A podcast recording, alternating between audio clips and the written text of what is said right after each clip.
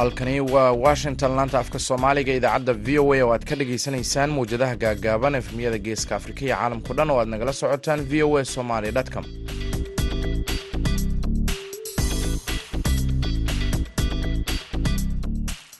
Duhur wanaagsan dhegaystayaal waa maalin axada bisha sebtembarna waa toban sanadka labada kun iyo saddex iyo labaatanka. Afrikadii bare saacaddu waxa ay tilmaamaysaa kowda iyo barka duhurnimo idaacadda duhurnimo ee barnaamijka dhallinyarada maantana waxaa idinla socodsiinaya anigoo ah maxamed bashiir cabdiraxmaan.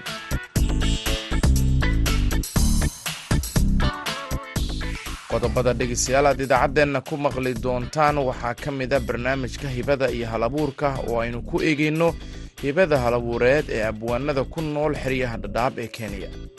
Galab sow dalxiis kuma gaadhin webigoo gowyaha koreetiyo gebiyada jabsadayo beeraha gelleediyo mas gacanka tuuriya geeda gabalbacaynoo isdhexgeliyey baallaha waa luuq ganaanee dhulka wada gerin yahay anoo gaabshay socodkoo cambahoo gudootiyo guranaya canabkii goortuna markaa tahay gabbal sii dhacayo gantaalaha cadceedduna godka aanay gelin weli. Sow kala gadoonkii calafka ay geeyee geesteeda midigtaa qorraxdoo gudaysoo gufaacada iftiinkiyo ee dhex gelisay nuurkii isha galac kuma siin waxaad kaloo maqli doontaan warbixin ku saabsan dhulgariirka ku dhufta dalka morocco. Ciyaarihii iyo kaalimihii heesaha ayaan barnaamijkana ka marnayn balse intaasi oo dhan waxaa ka horeynaya warkii caalamka.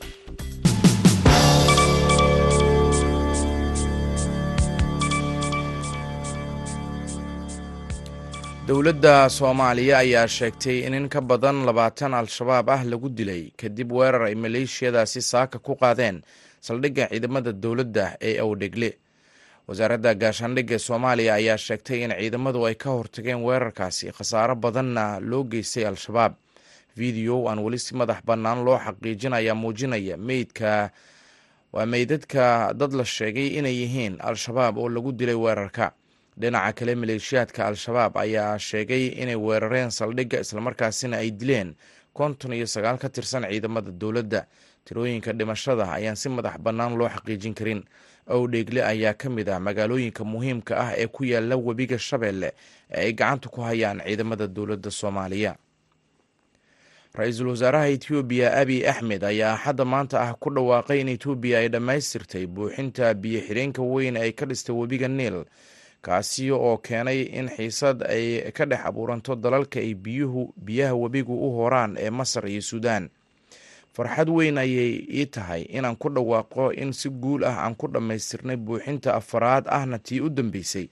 Ee biyo xireenka ayuu abi ku yidhi fariin uu ku qoray x oo markii hore la oran jiray twitter. Hadalkan ayaa ku soo beegmay iyadoo wadaxaajoodka saddexda dal uu toddobiyo labaatankii agosto dib u bilowday. Waxaa jiray caqabado badan marar badanna waxaana lagu riixay inaan dib u laabanno waxaanana soo maray loolan gudaha ah iyo cadaadis dibadda ah ayuu yidhi abi biyo xireenka oo ay adis ababa u aragto mid aada muhiim ugu ah ayaa dhismihiis waxaa ku kacay lacag dhan afar dhibiic laba bilyan oo dollar waxaana tan iyo markii ay etoobiya daah furtay mashruucan sannadkii labadii kun iyo koob iyo tobankii ay masar ka cabsi qabtay inuu dhimayo qeybteeda biyaha niil wadahadallada hadda socda oo dib u soo bilowday ku dhowaad laba sano iyo bar ay hakad ku jireen ayaa waxaa ujeedadoodu tahay in la gaaro heshiis tixgelinaya danaha iyo walaacyada saddexda dal ayuu yidhi wasiirka waraabka ee masar hani swelam oo ku booriyey in la joojiyo tallaabooyinka halka dhinaca. Ugu dambeynna ugu yaraan koob iyo toban qof ayaa ku dhintay tobannaan kalena waa ay ku dhaawacmeen weerar cirka ah oo axadda maanta ah ka dhacay xaafad ku taalla koonfurta caasimadda suudaan ee khartuum sida ay sheegtay koox maxalli ah. Guddiga wax iska cabinta oo ka mid ah kooxihii abaabuli jiray banaanbaxyada dimuqraadiyad doonka ah haddana ka shaqeeya gargaarka xilliga dagaalka ayaa war soo saaray ku sheegay in abaaro toddobadii iyo shan iyo toban daqiiqo subaxnimo saaka diyaaradaha militarigu ay duqeeyeen aagga suuqa qooro warka ayaa sheegaya in koob iyo toban qof ay dhinteen tobaneeyo kalena ay ku dhaawacmeen kuwaasi oo la gaarsiiyey cisbitaalka bashaa'ir cisbitaalka ayaa dhanka kale soo saaray baaq deg deg ah oo ku socda dhammaan xirfadlayaasha caafimaadka ee magaalada ku nool inay tagaan oo ay gacan ka geystaan daweynta tirada sii kordhaysa ee dadka dhaawacyada qaba ee imanaya cisbitaalka tan iyo shan iyo tobankii abril suudan waxaa ka socday dagaal xoogan oo u dhexeeyey ciidamada qaranka iyo kuwa gurmadka deg dega ah ee r s f ku dhowaad toddoba kun iyo shan boqol oo qof ayaa ku dhintay dagaalka oo socday ku dhowaad shan bilood. Sida lagu sheegay qiyaas ay soo saartay hay'adda aglet ee ka faalloota isku dhacyada hubaysan warkii dunidana dhegeystayaal waa naga inta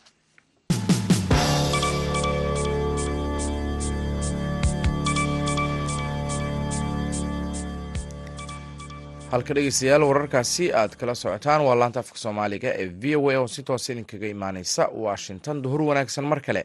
Haatanna waxa aad ku soo dhowaataan barnaamijka hibada iyo hal abuurka waxaana soo jeedinaya cabdisalaam salas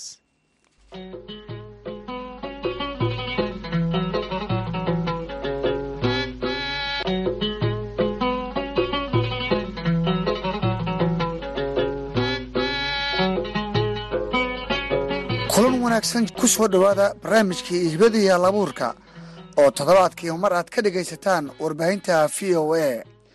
Barnaamijka asbuucan idinkaga imaanaya degmada dhaab ee koontiga gaarisa waxaan ku waraysan doonaa halabuur qaxooti ah oo wax badan ka qoray nolosha qaxootiga iyo dhibaatada dowlad la'aanta ay ka dhexleen bulshada soomaaliyeed.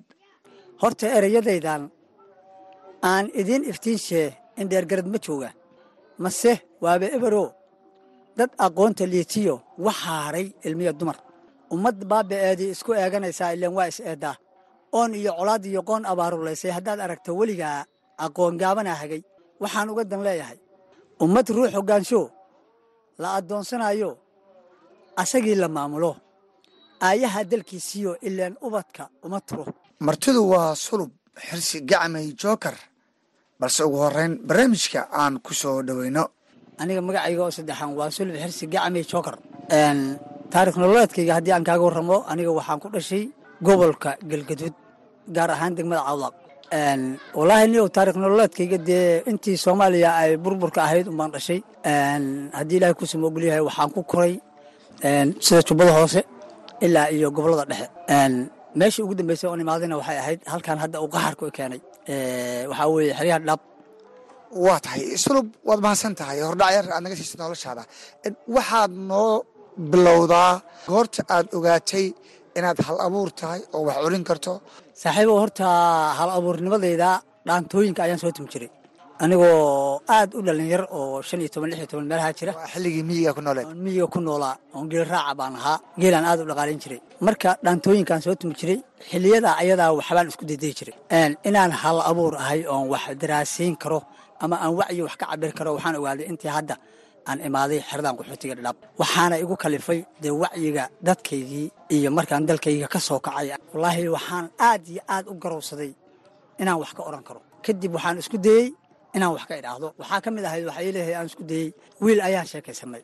Aan gaari wada saarnayn transit ayaan wada ahayn. Waxaan iska waraysanay waayaha nolosha guurka oo kaleeto dee soomaalidu way sheekaysataa badanaa. Wuxuu iiga sheekeeyey marka dhacdo hadda ka oo macnaha guurkiisa ku beegnayd oo aad ii soo ji dhacdadaas waxbaan ka qoray hees baan ka sameeyey. Waa tahay n sheekadii saaxiibkaaga uu kula wadaagay ayaad cabirtay markaas ayaa ku soo baxday inaad bal meeshaas sheeko ka diyaarin karto.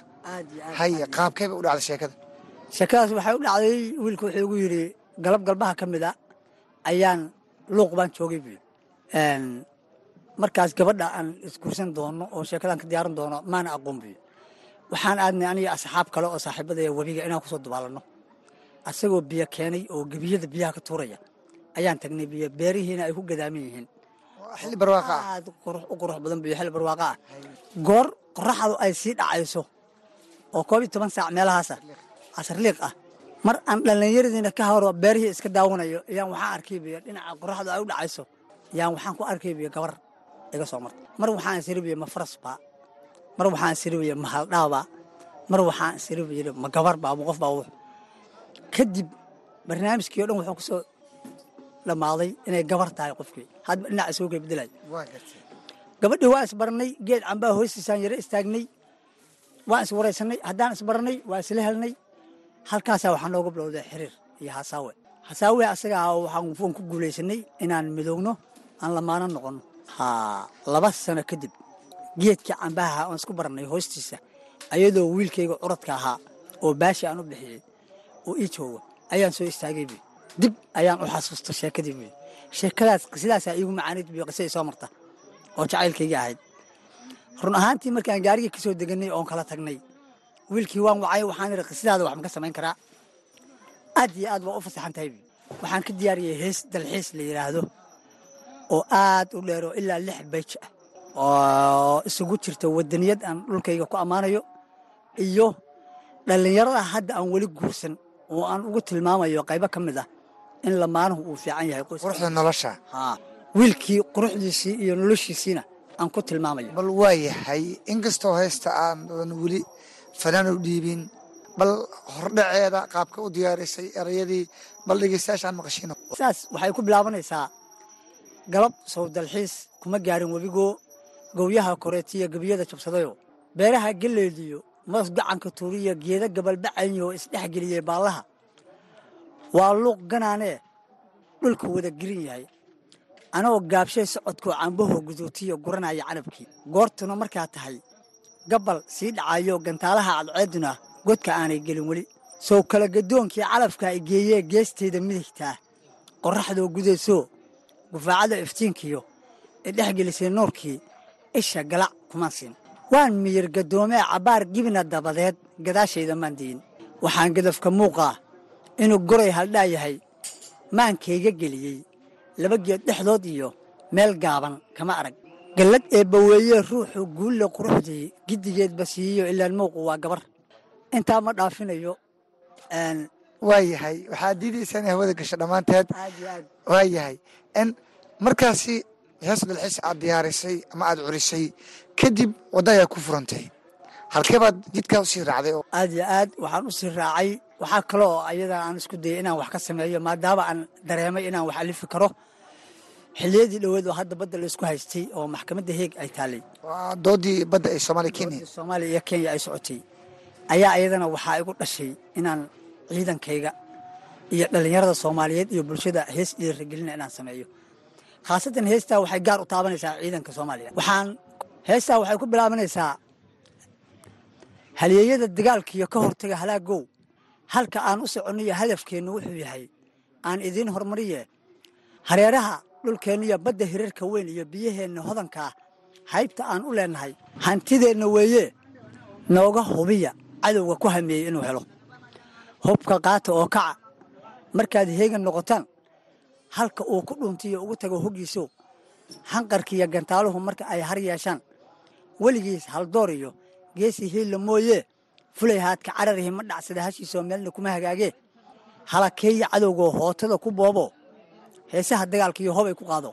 Soomaalidu ma hogatoo hoodada dagaalkaa rabbi hube u siiyee markaad hilibka ceeriin sida hanadka waagii hoomada codsiisaan guushana aad hubisaan. Halkaa ma dhaafayo ayadana waa yahay sulubow waa badweyn. Curintaada si hordhaca ayaad iigu sheegtay. Waxaa jiro gabay kale ood ka tirisay maamul xumada hoggaanka soomaaliyeed iyo in dowladnimadii ay tahay mid aan madax bannaaneen bal gabaygaasina bal dhegeystayaasha ayaan jeclaad inaan la wadaagno.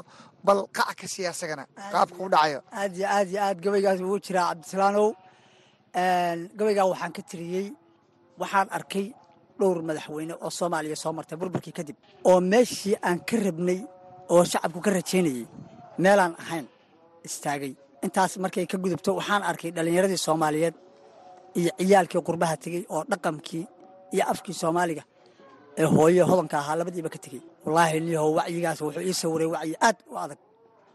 Ayadana waxaan ka iri gabaygaas wuxuu ahaa gabaygan waa jiifto aqli weliba garashadii iftiin weliba nuurkiis aqoon weliba heerkeed itaal weliba xooggiis arrin weliba goyntiis amiir weliba taladiis amar weliba taagtiis ajal weliba goorteed oohin weliba yeedheed aroos weliba faraxiis horta ereyadaydan aan idiin iftiinshee indheergarad ma jooga.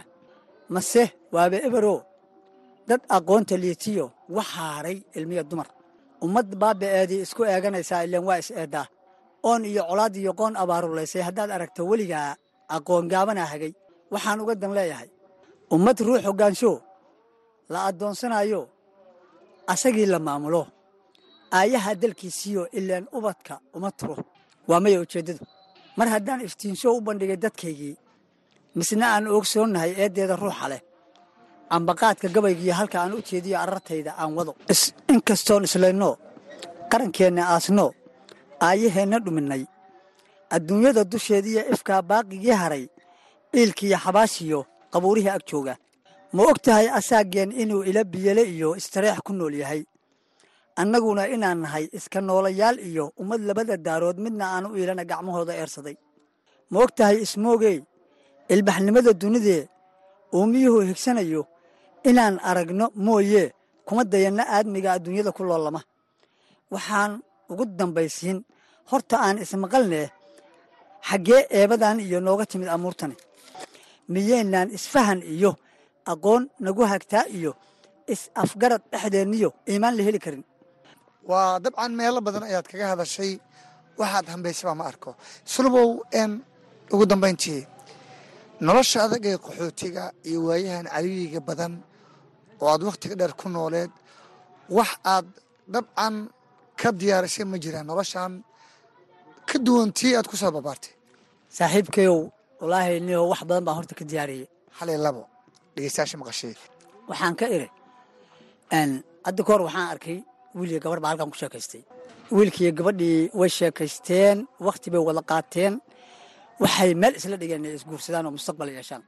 Ayadoo sidii ah ayaa waxaa imaaday wiil qurbaha ka yimid oo gabadhii xoogaa qaraabo la dhowla ah xoogaa soo aruursadee aad iyo aad. Waa taqaanaa wiil qaxooti jooga iyo wiil qurba ka yimid. Farqiga u dhexeeya. Waayahay aad baa u garan kartaa wiilkii marka gabadhii wiilkii baa soo doonay qurbaha ka yimid. Ehelkii khasab buu ku siiyey waa la siiyey. Saddex bilood markuu qabay gabadhii wuu iska soo fura wiilkii. Wuuna ka tegey. Waa gartay. Waxay damacday inay dib ugu soo laabatay marka. Miskiinkii ee shalay ka dhaqaaqday inta jacaylka ku aa uga tagtay. Asagii markaa wuxuu yidhi tukalaan hele ka sii daawey ka dandoona meel kale. Haa. waaye maxaa ka tirisa markaa ayadana hees baan ka sameeyey. Heestaan ma doonay inaan dhammaystiro hordhac yar. Haa. Samanadan isdhalan rogay wakhtiyadan silsiladda qofna saacu sare mari qofna seefta qaadsii baan. Sideedaba adduunyada ka qaar sad haystoo sid ka dhalay ku maaliyo. Waa qaar sabool oo ayagoo sagaal qaday. Seexan waaye jiifkoo sumcaddooda dhowroo ka sariigta ceebtoo ku samraaya gaajada. Ha yeeshee sadanadiyo leesma siiya dunido ninkii samada gaaree sanqaryarada jiifee sareerada ku haystoo laga qaaday soofkiyo kaan shalay sumunahayn maantana la siiyiyo laba kala sarraysa baa subax noolba joogta. Halkaa ma dhaafayo. Waa maasan tahay sulub ugu dambayntii maxay tahay fariinta aad gaarsiinayso bulshada soomaaliyeed ee ku dhegeysanayo marka ugu horreysa horta bulshada soomaaliyeed dhammaanteed waa salaamaya. Marka ugu horreysa waxaan gaarsiinayaa qof kasta oo soomaali ah. Meelu joogaba dalkeenna hooyo waa muhiim. Qof kastow halka aad joogto qalbigaaga calanka buluga ah oo midnimada soomaaliya muujinaya iyo dalkeenna hooyo ku hay. Haa oo nabadda ka shaqee. Middaa waa fariin guud oon soomaali u dirayo. Midda gaarka waxaan u dirayaa bahda hal abuurada soomaaliyeed waxaan u dirayaa. Bifadlakum murtidii iyo dhaqankii soomaalida iyo fankii. Intiiba waxaa moodaa waayahan dambe in lagu ciyaarayo in la ilaaliyo. Hadday tahay gabayga hadday tahay murtida kale mahmaahyada ee la samaynayo hadday tahay heesaha dhammaantood in la ilaaliyo oo wax turxaan buxsan oo dadka ka gadmi kara. Murtideennii horena aan ku soo noolayn karno inay noqdaan. Aad buu umahadsan yahay sulub xirsi gacmay jookar oo barnaamijka marti ku ahaa. Guud ahaan saaxiibayaal halkaasi ayaan ku soo afmeerayaa barnaamijkii isbuucan balse aan dib idinku celiyo bahda washington iyo qaybaha kale ee idaacadda duhurnimo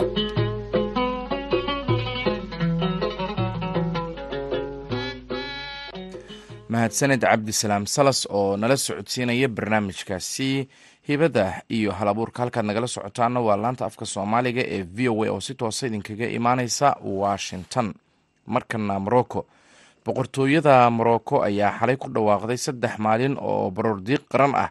Kadib markii in ka badan laba kun oo qof ay ku dhinteen dhulgariir xoog leh oo habeenkii jimcihii ku dhiftay bartamaha dalkaasi wararkii ugu dambeeyey iyo sida hadda ay xaaladdu tahay ayaa waxa uu nuur xasan nuur bukhaari ka wareystay siciid ibraahim xuseen siciid buuna oo ku sugan magaalada maraakish oo ka mid ah meelaha uu saameeyey dhulgariirka siciid ayaana hogaaminaya koox ciyaartooy gabdho ah oo ka qeybgelaya ciyaaraha naadiyada kubadda cagta carabta oo hadda ka dhacaya sanadkanna ka dhacaya magaaladaasi maraakesh waxaa jirta sida aada og tahay maalintii jimcadii ahayd in dhulgariir lagu qiyaasay cabirkiisa toddoba dhibic labo oo ka dhacay magaalada marakesh ee dalka morocco iyo qeybo u dhadhow oo u jirta toddobaatan iyo labo kilomitr oo la dhihi karo waxyaabaha saameynta ugu weyn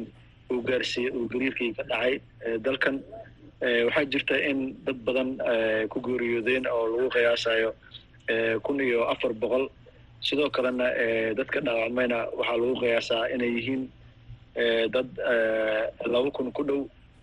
Dowladda ama boqortooyada dalkan morocco ayaa howshan hadeertaan ku guda jirta samata bixinta. Dad dhismooyinkii burburay laga soo bixinayo oo marba mar ka sii dambeysana ay soo badanayso geerida dadkii ku waxyeeloobay dhulgariirkan.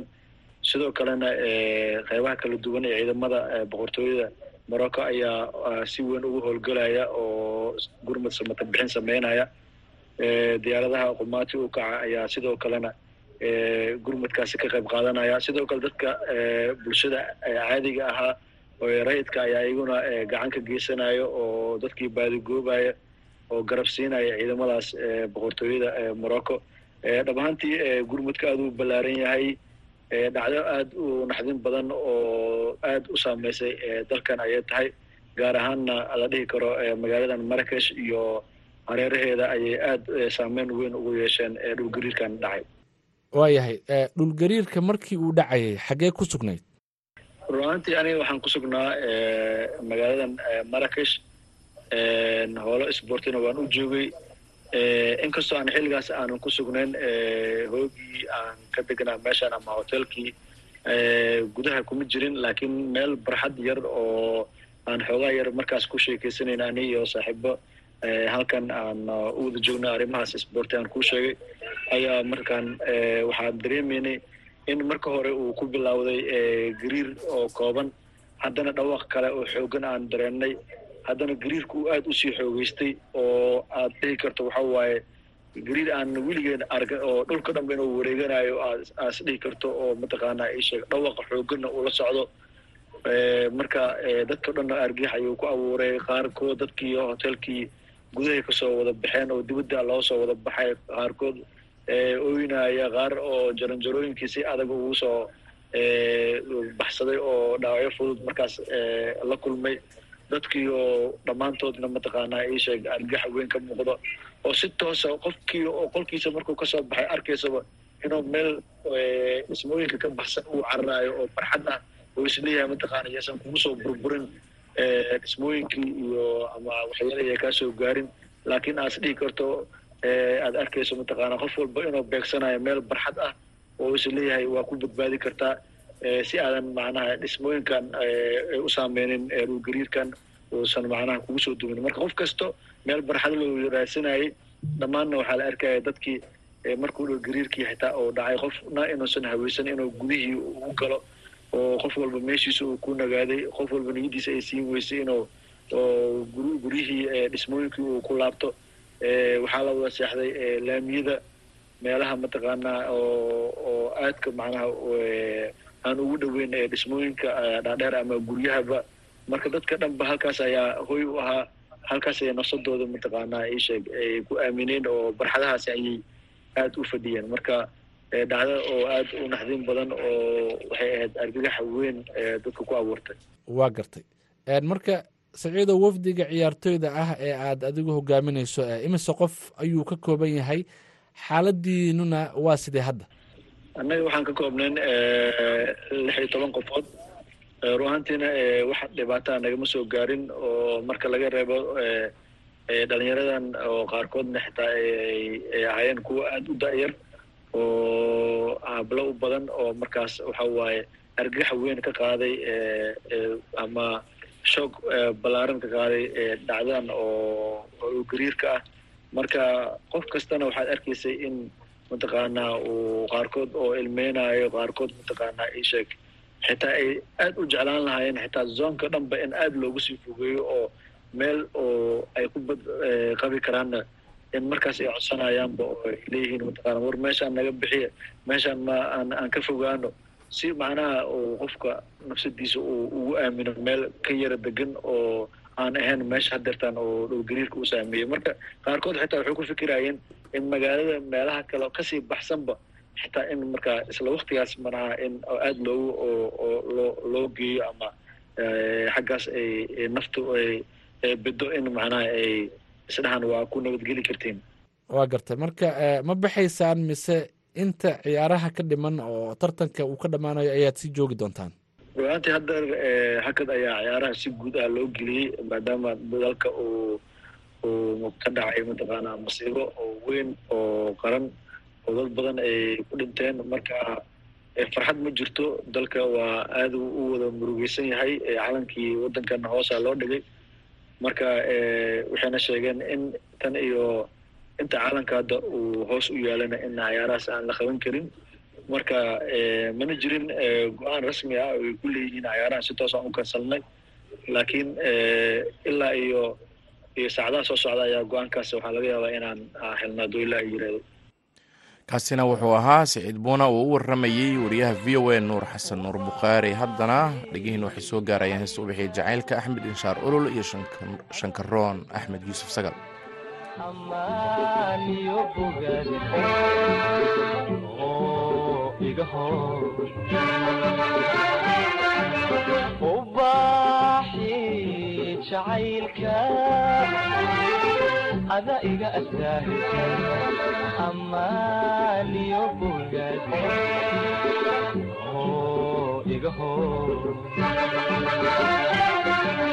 axadiyo xalaashee waalidkeeda asluubtiyo ashaxiyo hidaaha baray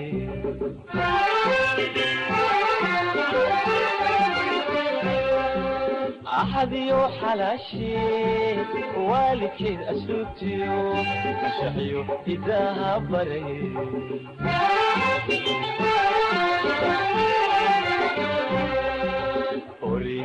orinimadu noqotaa alayliyo alayle ayaan ayaan iyo nasiib leey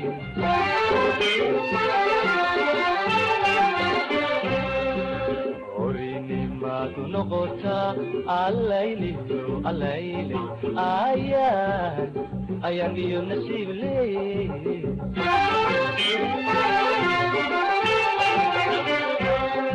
indha iyo indheer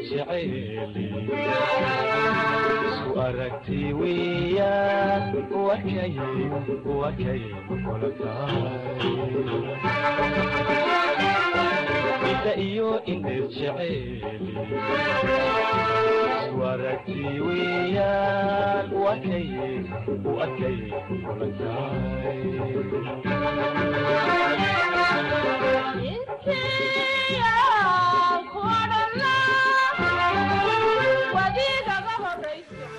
intaasina dhegeystayaal waxaa ku eg idaacaddii duhurnimo ee barnaamijka dhallinyarada maanta oo si toosa ah idinkaga imaan islaanta afka soomaaliga ee v o a tan iyo kulanti dambe waxaan idin leenahay nabadgelyo